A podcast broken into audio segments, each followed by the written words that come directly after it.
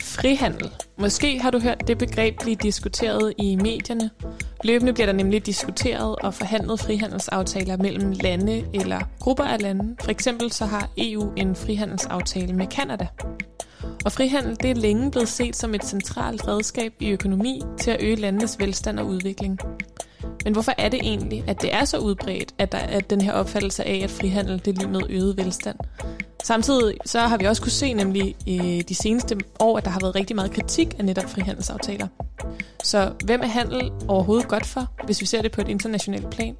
Kan det passe, at handel er godt for alle? Og kan handel overvinde uligheden mellem lande? Trade deal between the United States and China. Periode med arbejdsløshed i Danmark. Arbejdsudbuddet vokser. Et nominalt princip, der lige så langsomt udhuler blandt andet boligbeskatninger. Finanstilsynet advarer nu mod den digitale myndighed.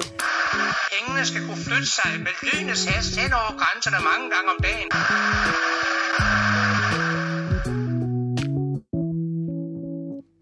Velkommen til Boblen. Mit navn er Veronika, og i det her program, der prøver jeg at finde ud af, hvad økonomer og økonomiske teorier, de egentlig kan bruges til. Og jeg prøver også at undersøge den her følelse, jeg nogle gange kan sidde tilbage med af, at økonomer måske bidrager med øh, lidt mere skade end gavn, og det er måske en lidt øh, hæftig beskyldning, øh, og derfor så har jeg også øh, prøvet at tage to økonomer med mig ind i studiet, så I kan hjælpe mig med at nuancere lidt. Vil I ikke præsentere jer selv? Meget gerne. Mit navn er Joachim, og jeg er økonomistuderende. Og mit navn det er Mads, og jeg er økonom. Ja, og altså noget af det, som det her program det også handler om, det er noget, som du, Mads, øh, i et af vores tidligere programmer også har citeret en, en meget kendt økonom for at sige det her med, at man skal lære økonomi for ikke at blive narret af økonomer. Og, øhm, og det synes jeg er et meget godt mantra for vores program. Øhm, og i det her program, der skal vi snakke om handel.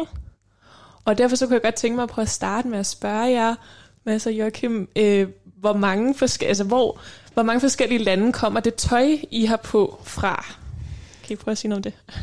Jeg kunne prøve at sige noget om det. Kan I, altså, er mange, det? Jo, jamen, det er jo det, der er sjovt. Altså, umiddelbart, nej, jeg ved ikke, hvor mange lande. Jeg tror, det er mange lande. Jeg tror, altså, jeg ved at min, jeg tror, øh, min sko er produceret, altså, hvis man ser på i hvert fald det, der, hvor der står made in, og så er spørgsmålet jo, hvor kommer de varer, som så er gået ind i at samle eller sy tøjet fra? Det kan være mange lande. Men made in, der tror jeg, jeg har en made in China, og så kan jeg se, så har jeg på min skjorte her, har jeg en made in, in Korea, Korea. Og så kan jeg ikke lige finde andre mærker umiddelbart. Jeg ved ikke, om du øh, kan byde ind med flere lande. Jeg kan godt byde ind med flere lande. Jeg har øh, i hvert fald en, øh, en, en trøje på, som er øh, med, produceret i øh, den Dominikanske Republik, øh, men som også er fra USA. Men ellers så, har, så kan jeg simpelthen ikke finde ud af, altså min ekosko, det må da være dansk. Men jeg ved ikke, hvor alle, alle produkterne herfra har. Jeg har øh, nogle sko på, som jeg kan se er produceret i Vietnam, og øh, hvis vi lige skal lægge nogle flere lande til, så har vores producer Toge, han kan fortælle, at han har øh, tøj fra Indien, Kina, Kambodja og Litauen på. Så øh, samlet set, så kan man godt sige, at vi har, vi har virkelig, virkelig meget øh, forskellige, øh, forskellige tøj på, der er kommet fra rigtig mange forskellige lande, og det er jo fordi, det er blevet handlet. Ja, det, det er det, men det, altså, det er vildt svært at, at, at finde ud af. Det er også en, fortæl, en del af fortællingen om handel. Jeg havde en, en forelæsning, om, øh, hvor der var en, der fortalte, hun har arbejdet et år på universitetet på at finde ud af, hvor silke kom fra. Og det var fordi, hun var ansat for et firma, der gik meget op i bæredygtighed. Og så, hun sådan, så havde de lavet et samarbejde med universitetet for at finde ud af, hvor kommer vores silke fra, der går ind i vores tøj. Hun brugte et helt år, og hun kunne kun finde ud af, hvor 70% af silken kom fra. Hun du ved, prøvede at spore, hvor køber vi det af, hvor køber de det af, og sådan noget. Og hun kunne simpelthen ikke hun kunne simpelthen ikke øh, spore det hele, kortlægge det hele, så der er virkelig meget handel, der sker, og det er, det er vildt kompliceret, og så kompliceret, at vi faktisk ikke engang altså, kan regne ud, eller ved præcis, hvor øh, tingene kommer fra. Ja, så man kan også sige, at, altså, at, øh, at alt, hvad vi på en eller anden måde køber og handler her i Danmark, det som regel er noget, der også er blevet internationalt handlet, og netop har øh, trådet ud til, altså, til rigtig, rigtig mange dele af verden. Og det er også derfor, vi skal kigge på handel i det her program. Vi skal kigge på sådan handel mellem lande, øh, international øh, handel, og vi skal, vi skal snakke om sådan en, en speci- specifik model, som handler omkring det her med frihandel, øh, som, som, øh, som mange økonomer i hvert fald øh, har beskæftiget sig med de seneste år, som en, en måde at udvikle lande på gennem handel.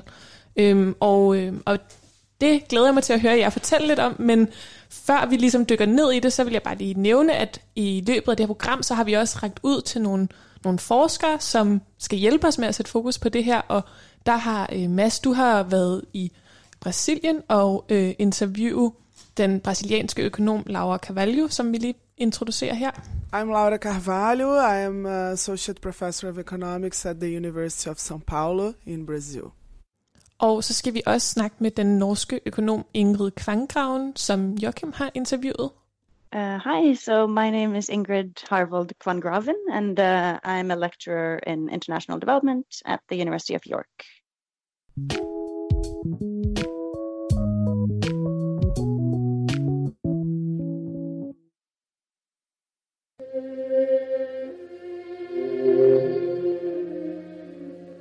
Being the third son of a good family and not educated to any trade, my head began to be filled early with thoughts of leaving England to see the world. And thus, against the will, nay, the commands of my father, I broke loose and went to sea.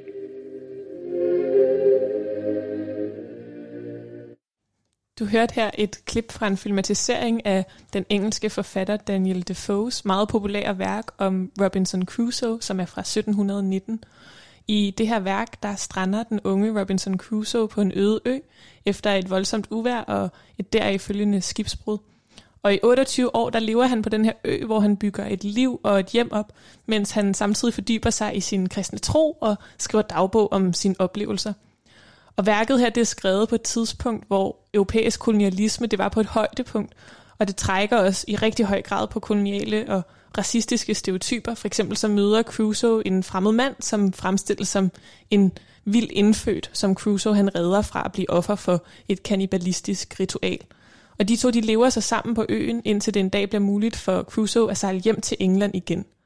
Og Robinson Crusoe er sådan et, et billede på rigtig mange ting, som er blevet meget, meget udbredt, og som er blevet en form for klassiker, ikke kun i vestlig litteratur, men også i vestlig kultur.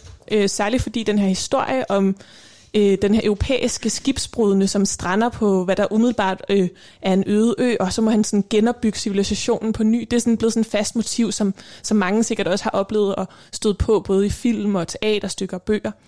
Men noget, som der måske ikke er lige så mange, der ved, det er, at den her historie om, om manden på den øde ø, det også er blevet diskuteret i den politiske økonomi.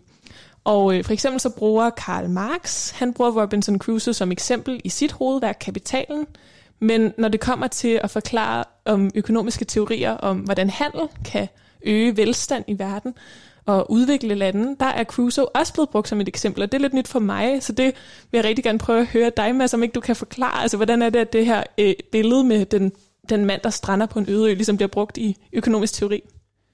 Jo, altså det er lidt sjovt, fordi øh, i, i nærmest rundt omkring i hele verden, så øh, når man skal til at lære noget om international handel, øh, når man studerer økonomi, så tager man udgangspunkt i fortællingen om Robinson Crusoe. Og øh, man forestiller sig så, at øh, Robinson Crusoe og øh, hans Friday, hans ven Friday, som jeg tror det bliver fremstillet, øh, de bor på en øde ø, og øh, på den her øde ø, der kan de så øh, producere to varer. Og den ene vare, det kan være kokosnødder, som de kan samle, og den anden vare, det kan være fisk, som de kan fiske ud af havet. Og pointen er så, at øh, de skal finde ud af, hvordan kan de ligesom maksimere deres produktion, hvordan kan de få mest muligt ud af deres tid.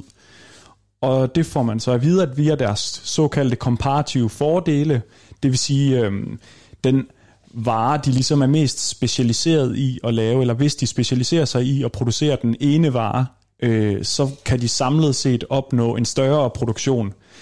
Øh, det, ja, det viser sig, at hvis den ene specialiserer sig i at samle kokosnødder, og den anden specialiserer sig i at samle øh, og fiske, afhængig af hvor deres fordel så er respektivt, så øh, kan de altså maksimere deres produktion. Og det er ligesom udgangspunktet for teorien om, hvorfor frihandel ligesom er, er gavnligt for begge parter, fordi den samlede produktion den, den øh, stiger.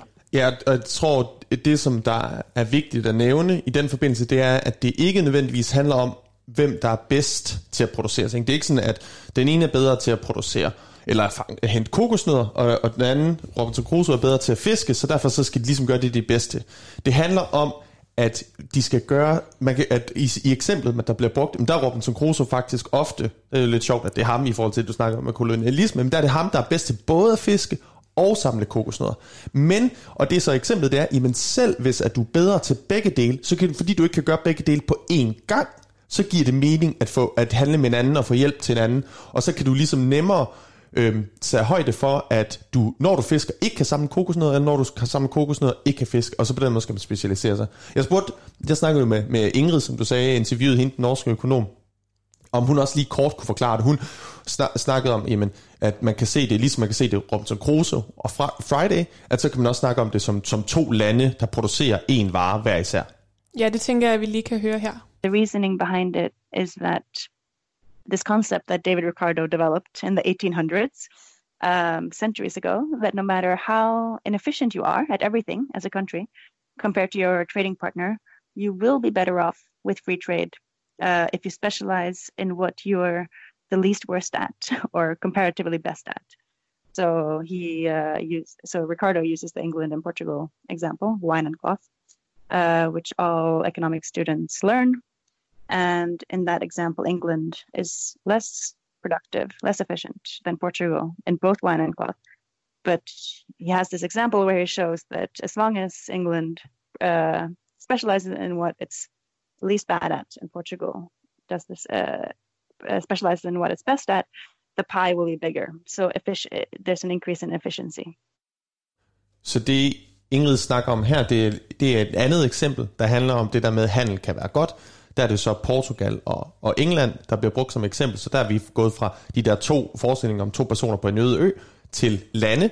Og igen, det handler ikke om, hvorvidt at, at det ene land er bedre til det ene, og det andet er bedre til det andet, men det handler om, at selv hvis du er dårligere til begge ting, eller alle ting, jamen så er der en fordel, fordi du skal specialisere dig i det, du er mindst ringe til, relativt set. Og det handler om, at man ikke kan producere begge dele, og så derfor så er det smart at, at, at opdele det. Ja, så altså, det siger Ingrid jo også i klippet, at grunden til, at der er den her, øh, at, at man ser frihandel som en god ting, eller den her model, det handler på en måde også om, hun siger det, at det handler om at gøre kagen større, ikke? Altså, at på en eller anden måde få mere ud af det, altså ud af det, man dyrker eller, eller producerer, end man ellers ville, hvis man ligesom skulle, skulle prøve at fokusere lidt på begge dele. Ja, så i virkeligheden så er det her faktisk en, en rent matematisk model, men for at man ligesom bedre kan, kan forestille sig, hvordan det fungerer, så sætter man det her eksempel op med for eksempel Robinson Crusoe Friday på en øde ø, fordi det er sådan et billede af, at der ligesom ikke er nogen forstyrrelser i form af, jamen det kan være magtforhold imellem dem, eller det kan være historier om for eksempel kolonialisering, eller det kan være, at øh, du for eksempel har en hel industri, der fisker, en hel industri, der samler kokosnødder, og hvis du så specialiserer dig øh, det ene land og specialiserer det andet land i hver sin øh, produktion, så er der også nogle, øh, nogle mennesker, der bliver arbejdsløse i den anden produktion i det land. Og alle de her ting, det kan man ligesom simplificere væk, så det passer med den her matematiske ligning, som viser, at du maksimerer din samlede produktion og gør kagen større, hvis du simpelthen udnytter de her komparative fordele. Ja, og det er jo noget af det, som nogle gange kan gøre mig lidt skeptisk omkring økonomi, det er det her med, at, at man, man har de her formler og sådan noget, men, men som jeg har forstået det på jer to, så er, så er det her en model, som virkelig har, er udbredt inden for økonomien. Kan I ikke prøve at fortælle lidt om det? Jo, meget. Altså det er noget, som øh, man lærer, når man har om international handel på økonomi. Det er noget, som der er mange, der snakker om, det er noget, økonomer historisk set har snakket rigtig meget om. Der er sådan et, et, et berømt eksempel, hvor der var, var der en økonom, der skulle vise over for nogle ingeniører, som jo, og nogen, der lavede naturvidenskab, som jo er lidt anderledes. Der er lidt mere med, at man kan regne på ting og sådan noget. Skulle vise, jamen økonomi, er det egentlig så smart? Er det ikke bare simpel logik? Og så, så skulle pege på en idé inden for økonomi, som var ekstra genial eller ekstra klog, og så blev øh, det her eksempel fremhævet med komparative fordele. Så der, altså, der er mange, der er kritiske over, men der er også mange, der siger, at den der logik med at sige, ah, det handler ikke bare om at være bedst, men om at være bedst relativt til noget andet, at det er, at det er en, en rigtig smart måde, eller en smart observation. Du lytter til Boblen på Radio Loud.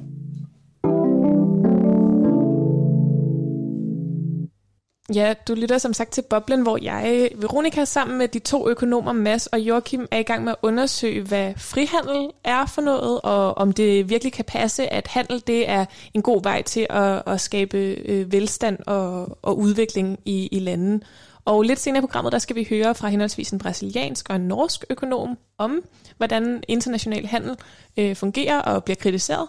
Men lige nu så øh, har vi hørt om den her model, øh, om de her komparative fordele, som er en model, som der er rigtig mange økonomer, der bruger til at argumentere for, at international handel mellem lande, det er noget, som kan være godt for, for alle lande, øh, uanset hvor øh, høj eller lav en produktivitet de har, uanset om de er rige eller fattige. Og så har vi hørt, hvordan at den her model, den kan man forklare ved at tage udgangspunkt i historien om Robinson Crusoe på den øde ø.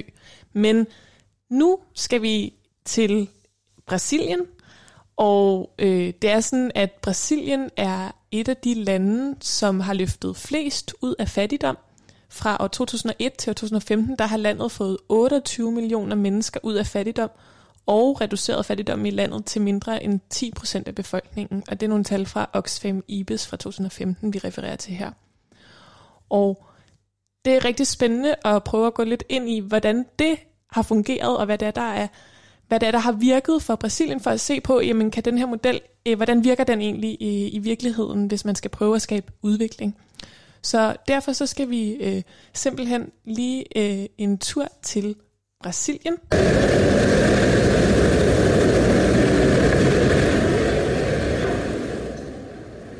Hvor du, Mads, har været og lave nogle interviews. Kan du ikke fortælle om det? Jo, øh, jamen jeg, øh, jeg drog simpelthen til Brasilien for at undersøge, hvordan de, øh, hvordan de der har udviklet sig, hvordan de lykkedes med at få så mange mennesker ud af fattigdom, og øh, om det, øh, hvilke nuancer der ligesom har været i, i, øh, i den udvikling. Og der talte jeg, øh, det talte jeg så med hende her, Laura Carvalho fra øh, São Paulos Universitet om, og øh, Laura Carvalho, hun er også øh, altså hun er sådan ret kendt økonom i Brasilien, fordi hun også har udgivet den her bog, der hedder Den brasilianske vals, som vi vender tilbage til. Og så skriver hun sådan en fast klumme i landets største avis, Folha São Paulo. Og derfor så øh, tænkte jeg, at hun må kunne hjælpe os med at finde ud af, hvordan Brasilien egentlig har udviklet sig. Yeah, so Brazil actually had uh, an industrial development phase, let's say, in the post-war uh, period. So we did uh, build some manufacturing. Uh, but our exports are more and more uh, concentrated in primary goods. So Brazil exports a lot of uh, soybeans. Um, we also have oil. We're now net exporters of oil. And uh, basically iron, iron ore, and, and other minerals. Um, so we we are of course very dependent on Chinese growth Ja, så Laura hun fortæller her, at, øh, at Brasilien havde en industriel udvikling øhm, øh, i efter 2. verdenskrig, og øh, med en industriel udvikling, eller med en industriel politik, der, øh, der mener man altså, at, at man ligesom målretter øh, udviklingen af ens lands industri øh, med, med, øh, med for eksempel ja, skatter på udenlandske varer, der, øh, der konkurrerer med, med de indenlandske varer. Øhm, derudover så siger hun, at deres eksport i tiltagende grad koncentrerer sig om råvarer, som for eksempel soja, olie, jern og andre mineraler. Og til sidst, at de er meget afhængige af Kinas vækst især. Og øh, den her industrielle udvikling, som hun starter med at tale om, den starter tilbage i, øh, i 50'erne, hvor Brasilien altså udviklede deres egen innovation med for eksempel konstruktionen af, af det her øh, flyselskab Embraer, som, som bygger fly. Øhm, og måske skal jeg også lige nævne, at, øh, at, at øh, vi har været så heldige at modtage funding til, at jeg kunne tage til Brasilien og tale med Laura fra, øh, fra SISU og fra den europæiske union, så det er vi selvfølgelig meget taknemmelige for. Men Joachim, hvis vi, øh, hvis vi tænker på Danmark, hvad, øh, hvordan, øh, hvad er vores eksportvarer så? Ja, altså nu, nu mener du, fordi at, øh, at Brasilien har de her eksportvarer, som er, meget, som er råvarer. Ja, nævner du, præcis. det er sojabønner, som blandt andet går til grisefoder, der, vi eksporterer også, eller importerer. Ja, vi importerer sojabønner. sojabønner, ja. Jamen, og det relaterer så til det der spørgsmål om, hvad er for, det, man skal specialisere sig i, eller hvad er de, de komparative fordele måske.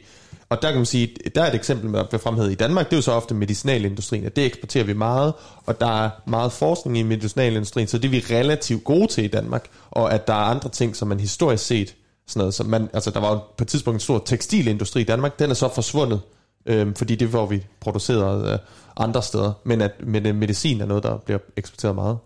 Så hvis man lige skulle sådan se på, altså hvis vi lige skal sige, at Brasilien, nu kigger vi på Brasilien for at se på, hvad er det for en udvikling, der har været, fordi vi kan se, at der har været den her øh, ret vilde udvikling på, på 15 år, hvor, hvor der er rigtig mange mennesker, der er blevet løftet ud af fattigdom. Men der har Brasilien primært fokuseret ifølge Laura på, på blandt andet råvareproduktion, hvor at man måske, i, for eksempel hvis man så relaterer til, til Danmark, har fokuseret på, på medicinal øh, industrien, eller hvad man kan sige. Så der er ligesom, er det allerede der, der så begynder at være, ligesom at man specialiserer sig, eller hvordan, Mads? Ja, altså, øh, altså den her øh, eksport, den, som hun siger, det er i tiltagende grad er blevet råvarer, hvor det tidligere, der har man haft sådan en industriel politik med for eksempel det her luftfartsindustrien, som jeg nævnte før.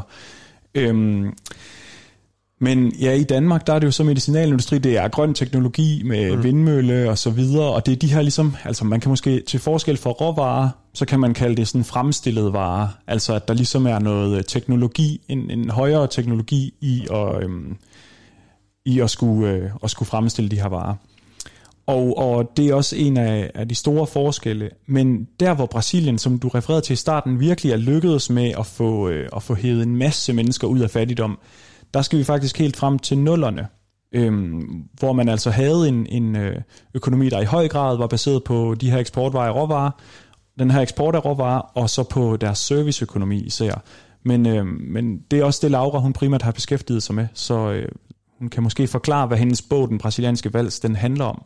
Okay, so basically the book is structured in, in three main parts uh, step forward, step sideways, step backwards. Uh, so the waltz is basically the steps uh, that made us come back to the same point in, in some in, in, some ways at the very end, uh, and these steps were were taken basically since the mid 2000s, so 2005 to 2010. This is when the Brazilian economy grew the most in in, in this period and in the past decades uh, during the commodity price boom, but also with domestic policies. Then we moved to the side uh, step sideways uh, between 2011 and 2014, uh, which is a period of slowdown in the Brazilian economy and also of a shift in economic policy. And then uh, we had the recession after 2015, and since, since then, pretty much stagnation. So uh, this is uh, what I what I call in the book the step backwards, and this is an austerity period that has been lasting uh, five years now. Ja, så Laura hun fortæller altså, at, øh, at valsen den ligesom er karakteriseret ved tre skridt. Et skridt frem, et skridt til siden og et skridt tilbage. Og skridtet frem, det tog man ligesom i perioden fra midt frem til 2011, hvor der var sådan en stor vækst på de internationale markeder i råvarepriserne. Og den her vækst, den fortæller hun mig også øhm, uden for det her klip, at, øh, at den var især baseret på øh, den kinesiske vækst, som, som vi mange af os har, også har hørt om hvor øh, der pludselig var en kæmpe stor øh, efterspørgsel, for eksempel også på sojabønner, som, som Kina i stor stil er begyndt at importere fra Brasilien. Så fortæller hun, at fra øh, 2011 til 14 der er sådan et skridt til siden, Øhm, og det der skete der, det var ligesom, at man fik nogle problemer med konkurrenceevnen efter også finanskrisen og så videre i 2008. Og derfor så øh, valgte regeringen i Brasilien at stoppe med øh, offentlige investeringer ikke helt stoppe, men at skære meget ned, og i stedet for så forsøgte de at hjælpe deres virksomheder ved at reducere omkostninger og sænke skatterne osv. Øhm, og tredje skridt, som er skridtet tilbage, det sker så da i 2015, hvor Kinas aktiemarkeder de crasher. Og det, øh, det gør blandt andet, at Brasiliens eksport den bliver hårdt ramt, og man går ind i en recession. Og Brasiliens svar har så i høj grad været at føre en nedskæringspolitik, Øhm, og indtil i dag har man altså haft recession, og ens indkomst i Brasilien er stadig lavere, end den var i 2015. Men, men det betyder altså, at man har taget et skridt tilbage til udgangspunktet, som, øh, som Laura hun er inde på.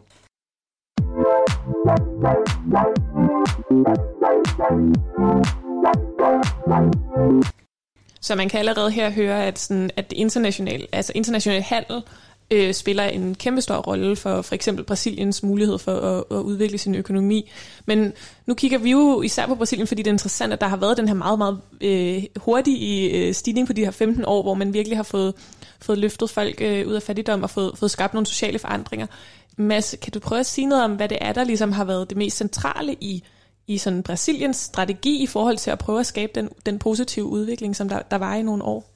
Ja, altså noget af det unikke ved Brasilien, der er jo mange lande, der har oplevet en vækst i, i de her år, hvor der har været sådan en, øh, en, en, en vækst i, øhm, i råvarepriserne. Men noget af det unikke ved Brasilien, det var, at man samtidig med, at man havde en kæmpestor vækst på en, altså 7-8 procent om året nogle år, så havde man samtidig også en, øhm, en reduktion af uligheden i landet, og man fik altså hævet de her, øh, nogle steder har jeg læst op til 36 millioner mennesker ud af ekstrem fattigdom. Øhm, og det gjorde man blandt andet ved, at man hævede mindstelønnen ret meget, og så fik man øh, formaliseret rigtig meget af arbejdet. Altså der er rigtig meget arbejde i Brasilien, som er uformelt. Det vil sige, at der ikke er nogen kontrakter mellem arbejdsgiver og arbejdstager. Øh, og det er en hel, altså det er der er en masse problemer med i sig selv. Men især så bliver det ofte fremhævet, at man indførte den her politik, der hedder Bolsa Familia, eller familietilskud. Og det betød altså, at man gav landets fattigste familier 150 kroner om måneden, hvis de sendte deres børn i skole og til regelmæssige lægetjek og gav dem vaccinationer osv. Okay, og det, altså, så der har ligesom været nogle sådan lande interne strategier, eller hvad man kan sige, i Brasilien i forhold til at, at prøve at, at udvikle landet i en positiv retning og, og bekæmpe fattigdom. Men hvis man skal prøve at se på sådan, Mm, nu snakker vi jo omkring det her med international handel. Øh, hvordan, altså, hvis man skal prøve at komme lidt mere ind på, sådan, hvad er det i forhold til den her model, som vi har hørt om med, med komparativ fordel, altså mere man specialiserer sig. Hvordan har, det sådan, hvordan har Brasilien ageret der? Jamen, Brasilien, de, øh, de har jo som sagt haft øh, tiltagende koncentration eller fokus på deres eksportmarkeder af de her råvarer, og, øhm, og det gør dem særligt sårbare ifølge Laura, som, som jeg har talt med hende om.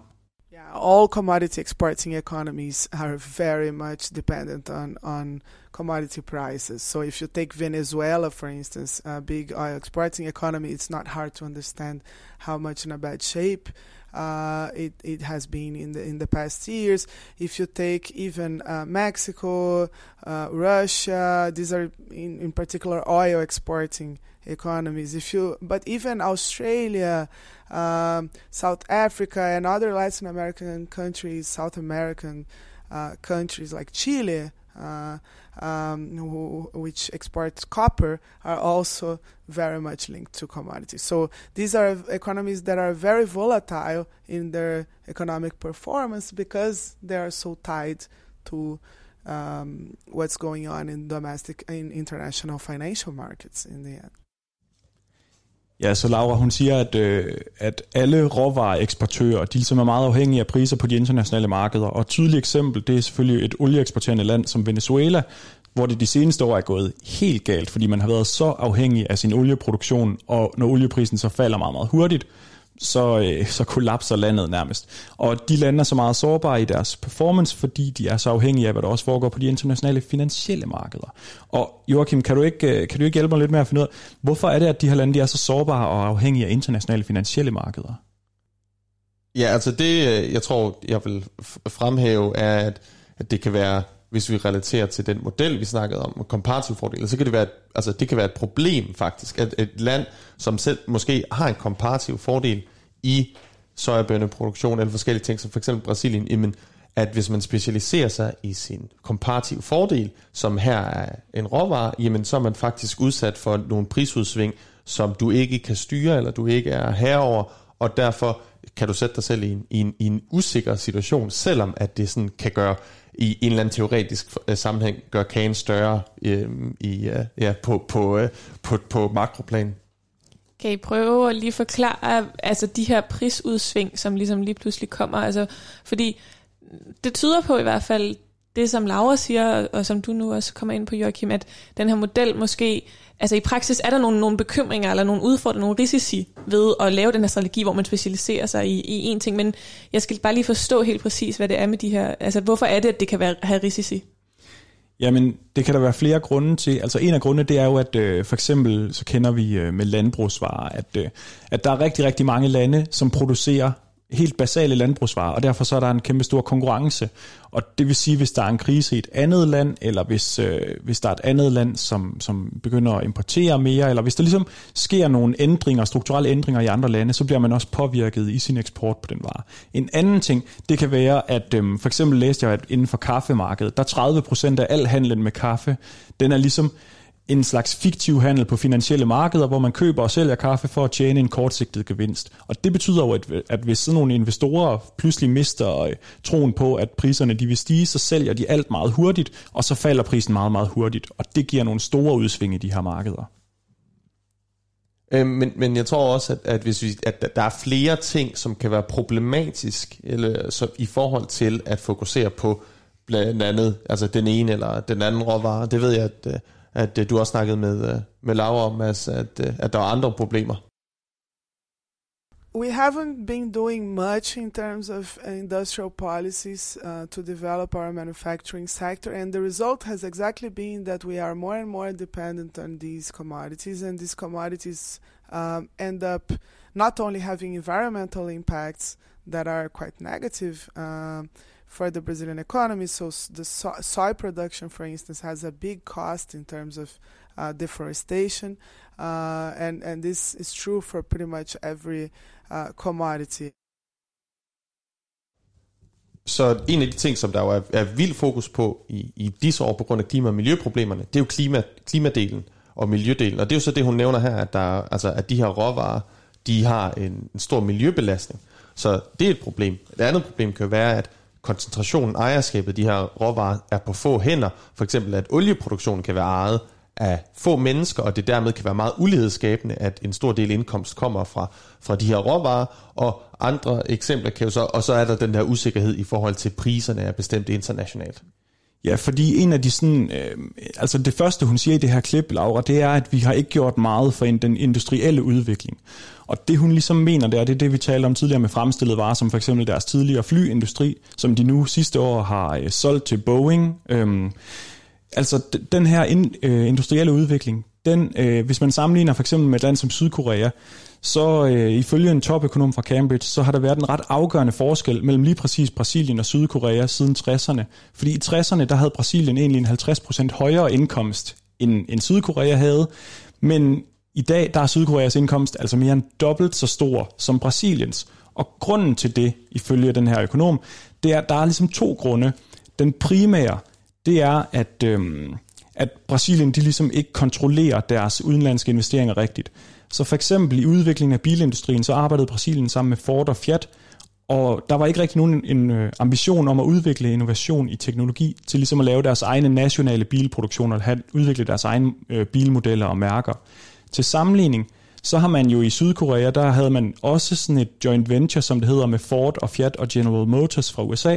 Men i 70'erne, så bad Korea, den sydkoreanske regering, de bad så deres øh, bilfabrikker om at udvikle deres egne modeller. Og, der, og så tog de ligesom licenserne til at producere biler væk fra de fabrikker, der valgte ikke at udvikle deres egne modeller. Og det har jo så i dag ført til, at man blandt andet har udviklet mærker, som vi alle sammen kender, som Hyundai og som Kia og, og Daewoo og så videre. Øhm, og Brasilien, de har ligesom gjort det sådan lidt i nogle sektorer, især tidligere, men, men man bevæger sig ligesom mere over på de her eksportmarkeder af, med råvarer. Okay, men hvis vi lige skal prøve at forstå helt præcis, hvordan det her det relaterer sig til til den model, vi har arbejdet med, og den her idé om, at man skal specialisere sig. Hvordan, hvad er det, vi kan, hvis, vi skal, hvis nu har vi kigget lidt på, hvordan Brasilien har udviklet sig de seneste år, hvad er det, vi ligesom kan tage med herfra? Kan I prøve at sige noget om det? Ja, altså det, det som man snakker om som industriel udvikling, og det der er sjovt, det er, at hvis vi siger, at man skal fokusere på, som modellen gør, at vi skal fokusere på vores komparative fordel, så skal man se på det, man er relativt bedst til lige nu.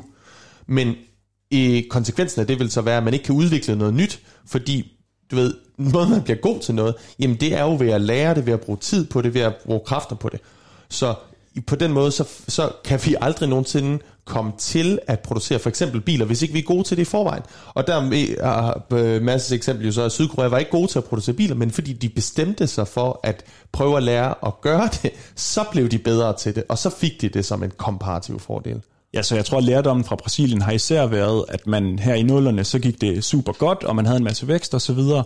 Men lige så snart det begyndte at, øh, og den der kurve begyndte at knække på de internationale markeder for råvarer, altså så, knækkede, så gik bunden ligesom også ud af økonomien i Brasilien, og nu har man så været i recession i fem år. Du lytter til Boblen på Radio Loud.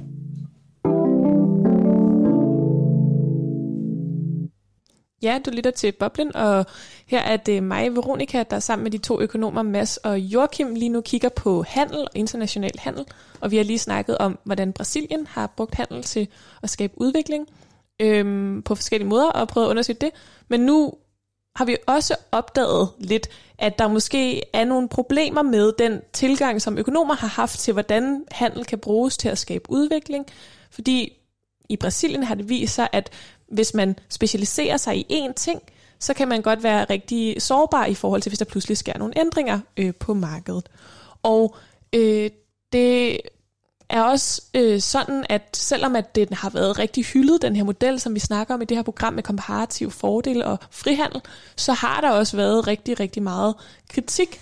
Og i 1999, øh, der øh, gik det rigtig meget ned i Seattle. Øh, der var der nemlig øh, tusindvis af demonstranter, som protesterede mod øh, World Trade Organization, WTO, og de lykkedes også med at få lukket mødet ned. Og vi skal lige høre et klip derfra, fra hvordan det lød dengang. I think in 10 years from now, I think in 10 years from now, the thing that's going to be written about Seattle, the thing that's going to be written about Seattle, gas bomb went up on what street corner, is not what tear gas bomb went off on what street corner, but that the WTO in 1999, but that the WTO in 1999 was the birth, was the birth? Of a global citizens movement, of a global citizens movement. For a democratic global economy. for a democratic global economy.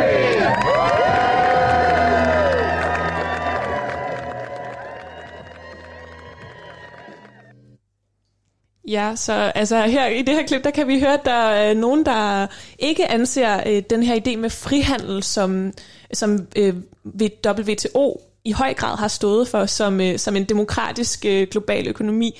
Kan I prøve at fortælle lidt mere omkring det? Ja, altså WTO, vil jeg lige først Ja. sige, det er verdenshandelsorganisation, og en af de ting, de promoverer generelt, det er frihandel. Og meget af det er netop baseret på den idé om, at frihandel er godt for alle, så det skal vi have så meget af som overhovedet muligt. Så de her demonstranter, man kan sige, at de ligesom protesterer mod frihandel i det, de protesterer mod WTO. WTO, ja, ja, det gør de. De producerer om, der er mange ting. Det er i det der fra Seattle, The Battle of Seattle, som det er kendt som, op med nogle ret vilde optøjer på gaderne, og vild, vild øh, historie, og øhm, det, det der er grund til, at folk er så sure, det er fordi, der er rigtig mange elementer i frihandel. Og der er også noget af det, der bliver forhandlet i WTO. Det er ikke kun et spørgsmål om, hvad er 12 på en vare. Det er også ting, der relaterer sig til frihandel, som er, er øh, hvad hedder det, det man kalder beyond the border issues, altså spørgsmål, der ikke kun handler om, hvorvidt der er en 12 på eller ikke en 12 på, men noget, som også påvirker landene på flere forskellige måder.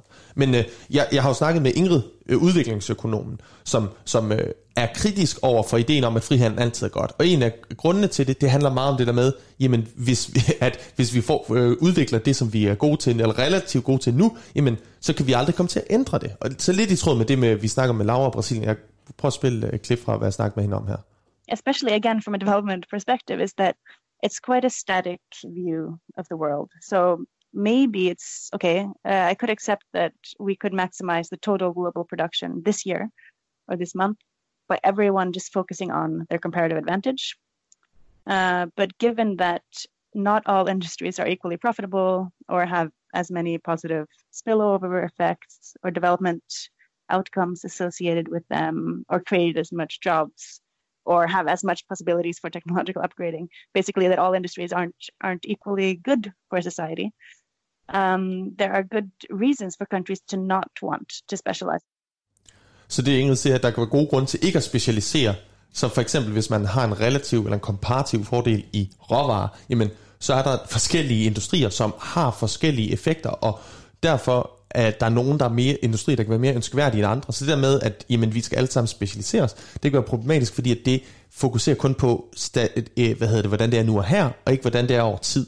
Og en af de ting, som, som øh, hvad hedder det, jeg har hørt meget om, det er for eksempel, at i Kina, der har man en strategi, der hedder Made in China 2025, som handler om, at man vil nu begynde, eller det, det- hvad hedder det, den, den har et par år på banen, men man vil ændre fra at gå fra for eksempel at øh, tøj eller samle ting, til at selv producere ting. For eksempel har man sådan iværksat aktivt, at vi skal have en fly, flyproducent, der kan konkurrere med de to store, der findes, Air, øh, Airbus og Boeing, og man sådan aktivt siger, nu går vi ind og ændrer på, øh, hvordan, hvilke industrier vi egentlig har. Og jeg ved ikke, om øh, man tænker på, at der øh, på den måde har været nogle øh, gode eksempler på, at, at der er noget, vi har ændret i en dansk sammenhæng, ændret, øh, gået, du ved, gået over, skiftet til nogle nye industrier, som vi ikke har haft øh, historisk set.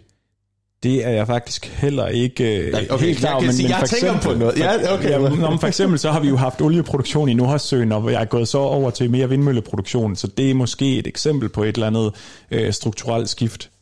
Ja, men der er flere kritikpunkter øh, af den her model, og hvorfor den kan være problematisk. Og en af dem, det handler også om netop det her med råvarepriser, og hvordan er det, at trendsene er i råvarepriser. Og det, øh, det snakkede jeg også med, med, øh, med Ingrid om.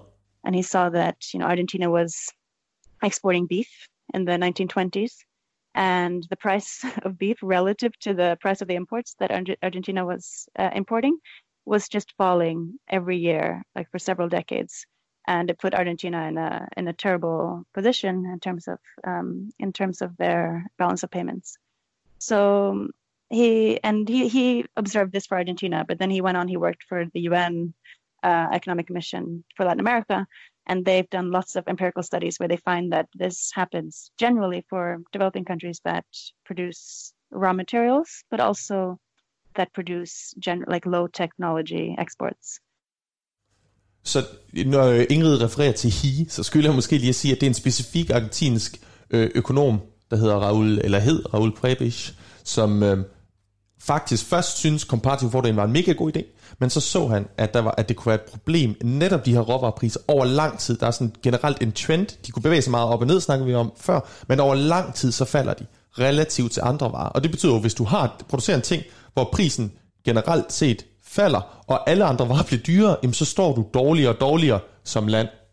Ja, det har også været en ret dominerende tankegang i særligt i øh, Sydamerika, hvor man også i Brasilien øh, baserede sig på, på de her teorier fra Prebisch og hans brasilianske, øh, hvad skal man sige, øh, ja, øh, hvad hedder sådan noget, medarbejder, mm. medarbejder i en organisation, øhm, Celso Furtado.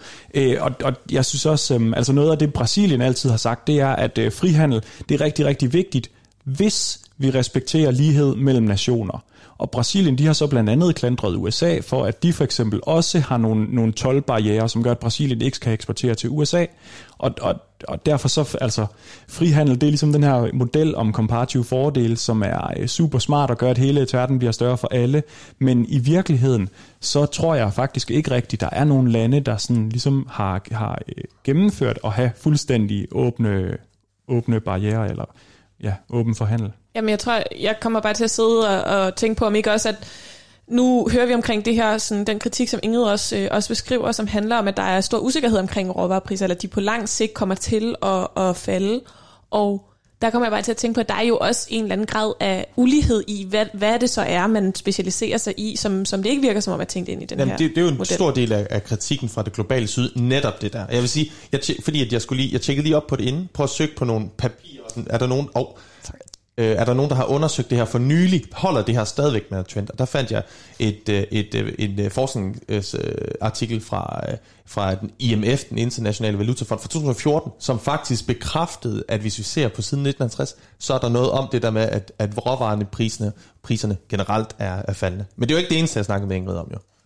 I think generally um, those, I guess, three responses are quite common. Well, if the long-term trade isn't free enough, and there are lots of imperfections we need to take into account that that keep um, keep the free trade kind of um, invisible hand from from moving economies to to prosperity.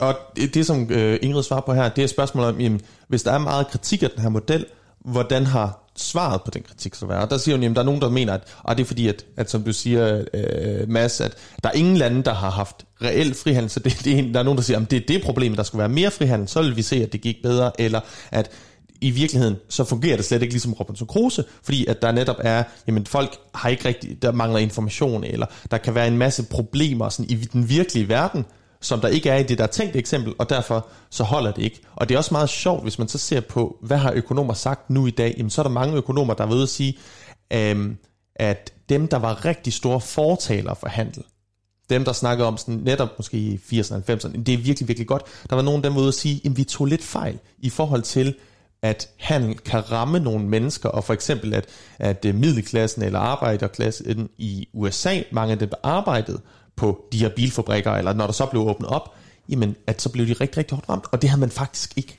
rigtig fået tænkt over, eller man havde ikke været opmærksom på, hvor galt det kunne gå for nogen inde i et land, hvis der blev åbnet, åbnet meget op for handel.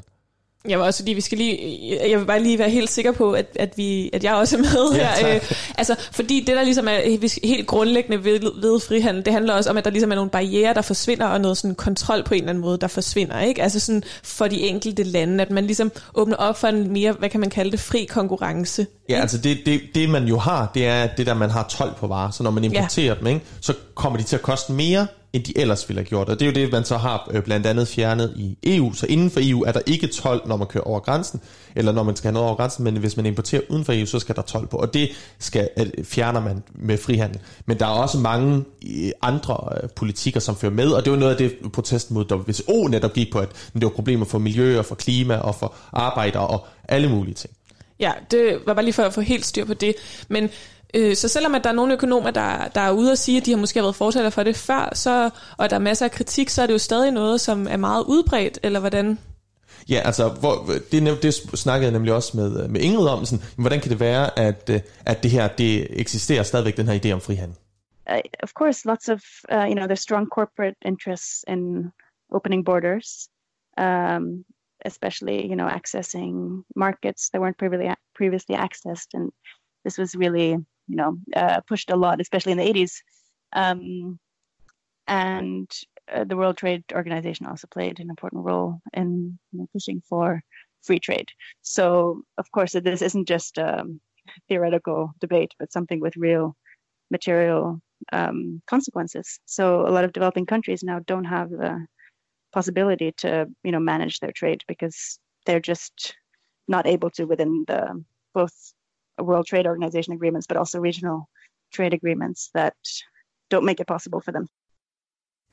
Så Ingrid snakker om, hvordan de her frihandelsaftaler, de så har, har været med til at forårsage, at man ikke på samme måde kan gå ind og lave den der industripolitik. Altså, man, man kan ikke øh, gå ind og beskytte nogle industrier, eller understøtte nogle industrier, fordi man siger, at det er imod den der frihandelstankegang.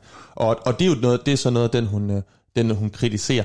Så det der med, altså, at frihandel altid er godt for alle, at, at, øh, at den skal tages med et grænsalt, eller den skal nuanceres, modificeres, Øhm, og der er rigtig mange ting, især i, i, i sammenhæng med udviklingslande, at Ingrid peger på, at det kan være, det kan være problematisk. Ja, selv i lande som Danmark ser vi jo også, at vi bruger et andet redskab end tolle, men som for eksempel subsidier, som vi har givet til en virksomhed som Vestas, øh, for ligesom at hjælpe dem med at vokse. Og, og derfor så, altså, så, så gør vi ligesom også andet end bare frihandel. Ja, og en af de ting, som jeg har øh, lært på, i økonomi, det er det der med, jamen landbrugspolitikken i EU er en måde at, at skabe øh, hvad hedder det, frihandelsbarriere, eller at man giver en masse støtte til noget, som egentlig vil være produceret øh, udenfor. Så øh, i virkeligheden, så har vi også en masse ting, som egentlig peger i den anden retning af, af frihandel.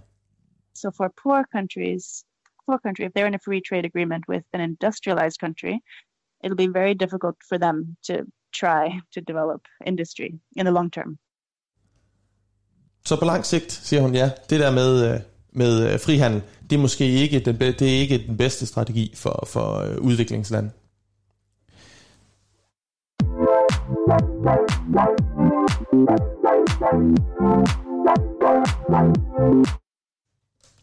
Okay, så nu har vi været igennem øh, først at høre om den her model, som handler om, at man skal øh, for at skabe en større lavkage, eller for at få mere velstand så i verden, så skal forskellige lande specialisere sig i bestemte produktions, øh, produktioner, eller hvad kan man sige, industrier, som de er særligt gode til, eller i hvert fald er dem, de er bedst til. Og så ligesom handle øh, med hinanden, øh, og fokusere på ligesom det, som de har vurderet, at de var bedst øh, til. Og så har vi kigget på Brasilien, som har haft en rigtig, rigtig god udvikling fra start nullerne til 2015, hvor man virkelig øh, fik løftet nogle folk ud af fattigdom og fik udviklet landet. Og set, at måske så, selvom den her model er meget hyldet af mange økonomer som en, en måde at skabe velstand og udvikling på, så skal der måske også nogle andre ting til, og virkeligheden er måske lidt mere kompleks end, end bare, at man specialiserer sig i én ting, fordi for eksempel i Brasilien, så har der været nogle udfordringer med, at man så har specialiseret sig i råvareproduktionen, og der der er noget, øh, usikkerhed i forhold til, til prisudviklingen. Og, og så har vi så hørt, at der faktisk også er noget kritik af den model fra økonomer selv. Men det er jo stadig meget udbredt, ikke? Altså, sådan, ja, altså det er rimelig udbredt, men der er sådan en, en øh, hvad hedder det, øh, jeg, jeg hørte en, en, øh, en, en økonom fortælle om, hvordan at man for eksempel beskyttede i, i USA i 80'erne, der beskyttede man bilindustrien. Ved at sige, vi kan ikke, fordi at Japan kom, Toyota, det var et stort problem, de lavede gode biler, og der lavede man sådan nogle begrænsninger, kvoter, man sagde, vi kan kun importere x antal biler. Og dengang, der var økonomer meget imod det.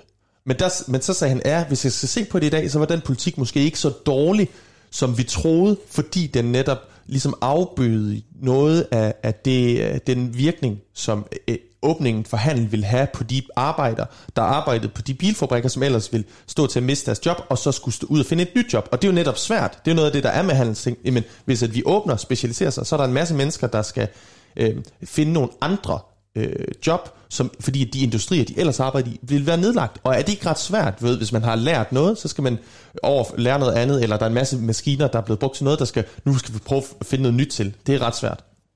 Ja, noget af det, som vi måske ikke har nået at komme så dybt ind i, men som vi sådan lidt har nævnt hen ad vejen, mens vi har snakket om, om, om handel og frihandel og udvikling, det har været det her med, at der måske i den her model omkring, at man bare skal specialisere sig øh, landene imellem i nogle forskellige sektorer, at der mangler måske lidt at tage højde for, at der er nogle forskelle, altså der er nogle magtforhold for eksempel, og der er nogle uligheder i, hvad det så er for en form for sektor, man, man specialiserer sig i, og at det måske på nogle områder i højere grad er en fordel for lande, der er, øh, hvad kan man sige, meget øh, veludviklet, meget rige, øh, at have den her frihandel i forhold til, til andre lande. Ja, og, og, og i forhold til det, så synes jeg også, der er et eller andet sådan interessant og ironisk, hvis vi går tilbage til ham her, Daniel Defoe, som skrev den her bog om Robinson Crusoe, du, du fortalte om i indledningen også, og som vi lærer om som ligesom en, en abstrakt model på økonomistudiet. Så øh, Daniel Defoe, han, øh, han skrev jo faktisk også øh, til den britiske regering, at, øh, at et forslag om, hvordan man skulle øh, udvikle den britiske økonomi, og hvordan man skulle holde sin koloni USA væk fra at producere nogle sådan fremstillede varer med en eller anden højere teknologi. Altså man skulle bevare øh, kolonien nede på et eller andet sådan basalt øh, råvareproduktionsniveau, så det ligesom ikke blev en konkurrent på de internationale markeder. Og, og det, er jo, øh, det, er jo, det er jo den måde, vi egentlig har set de, nærmest alle lande, så vidt jeg ved, udvikle deres økonomier til en højere produktion. Jeg tror også, det er vigtigt at nævne, Øhm, det, den, det man får at vide i undervisningen, det er ikke nødvendigvis, altså det er det man skal huske at sammenligne med, det er situationen uden handel. Og der er der mange, der siger, okay det kan godt være, at de her lande ikke, at det ikke altid går særlig godt med handel, men så er argumentet, men uden handel vil de heller ikke nødvendigvis have klaret sig særlig godt. Så der er det der med måske, du ved, at tillade handel eller åbne for handel, men, men at tage højde for, at der netop i nogle lande øhm, at, at deres relativ fordel, for det er jo netop det, det handler om, det er ikke bare, hvad de er gode til, det er, hvad de er relativt gode til, så det, øhm, at, øh, at, at det måske ikke netop, du siger, ikke altid er de industrier, som alle gerne vil have. Jeg, skal bare lige, jeg vil bare lige sige sådan, i forhold til det, som du øh, nævner med, så også omkring Daniel Defoe, så så synes jeg jo, det er spændende. Jeg jo øh, studerer litteraturvidenskab, og jeg synes jo, det er spændende, hvad man bruger som eksempler og som billeder, og det siger noget om, hvad man forestiller sig. Og det her Robinson Crusoe-eksempel var jeg jo lidt inde på, at det værk er et værk, som er meget præget af sådan kolonialistisk øh, og også racistisk diskurs. Og der kan man måske også godt, sådan, der vil jeg måske prøve at skyde ind, at det her, øh, den her model har måske også altså er måske også præget af det eksempel, kan man sige. Altså det, at man vælger at bruge det eksempel som eksempel på modellen, siger måske også lidt om, at der er nogle uligheder i den her model, eller nogle, nogle ting, som, som man ser lidt bort fra, fordi der måske er en fordel for, for rige lande mere end for andre. Ja, altså jeg tror, at dengang Ricardo først øh, skrev og brugte det her eksempel med Robinson Crusoe og Friday, og også da Marx har brugt det i sin øh, deres kapital, der tror jeg, altså der kan det jo sagtens være underliggende, at man ligesom, det var bare, det var ligesom bare sådan det var, det var den forestilling, man havde om verden. Men så tror jeg i dag, at det har man ligesom glemt, og i dag er det ligesom bare sådan en, en simpel, intuitiv model, der barberer alt det unødvendige væk, og så kan vi være på en øde ø, hvor alt er overskueligt. Og jeg tror, det er det, det handler om for os som økonomer i dag, selvom der selvfølgelig godt kan være nogle undertoner, man ikke kan ignorere. Ja, men man har måske skrællet, skrællet nogle ting fra, fordi man netop gerne vil have den her relativt uh, let tilgængelige model at arbejde med, ikke? og det kan der være nogle, nogle udfordringer med. Det var alt, hvad vi nåede uh, i det her uh, program. Tak fordi I lyttede med, og tak til jer, Mads og Joachim. Selv tak.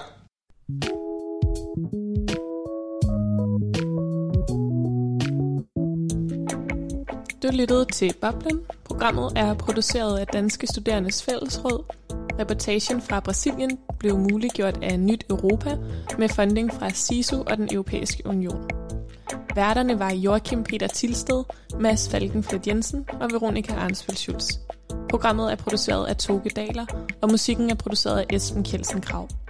Vi spillede klip fra The Adventures of Robinson Crusoe af Louis Buñuel fra 1954, og fra filmen This is what Democracy Looks Like fra 1999.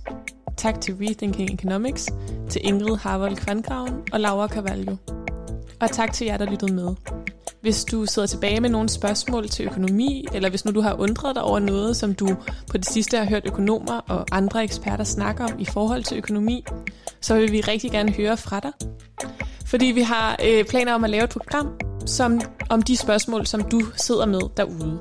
Hvis du har nogle spørgsmål, så kan du sende dem ind til os på boblen eller du kan finde Radio Loud på Facebook eller Instagram.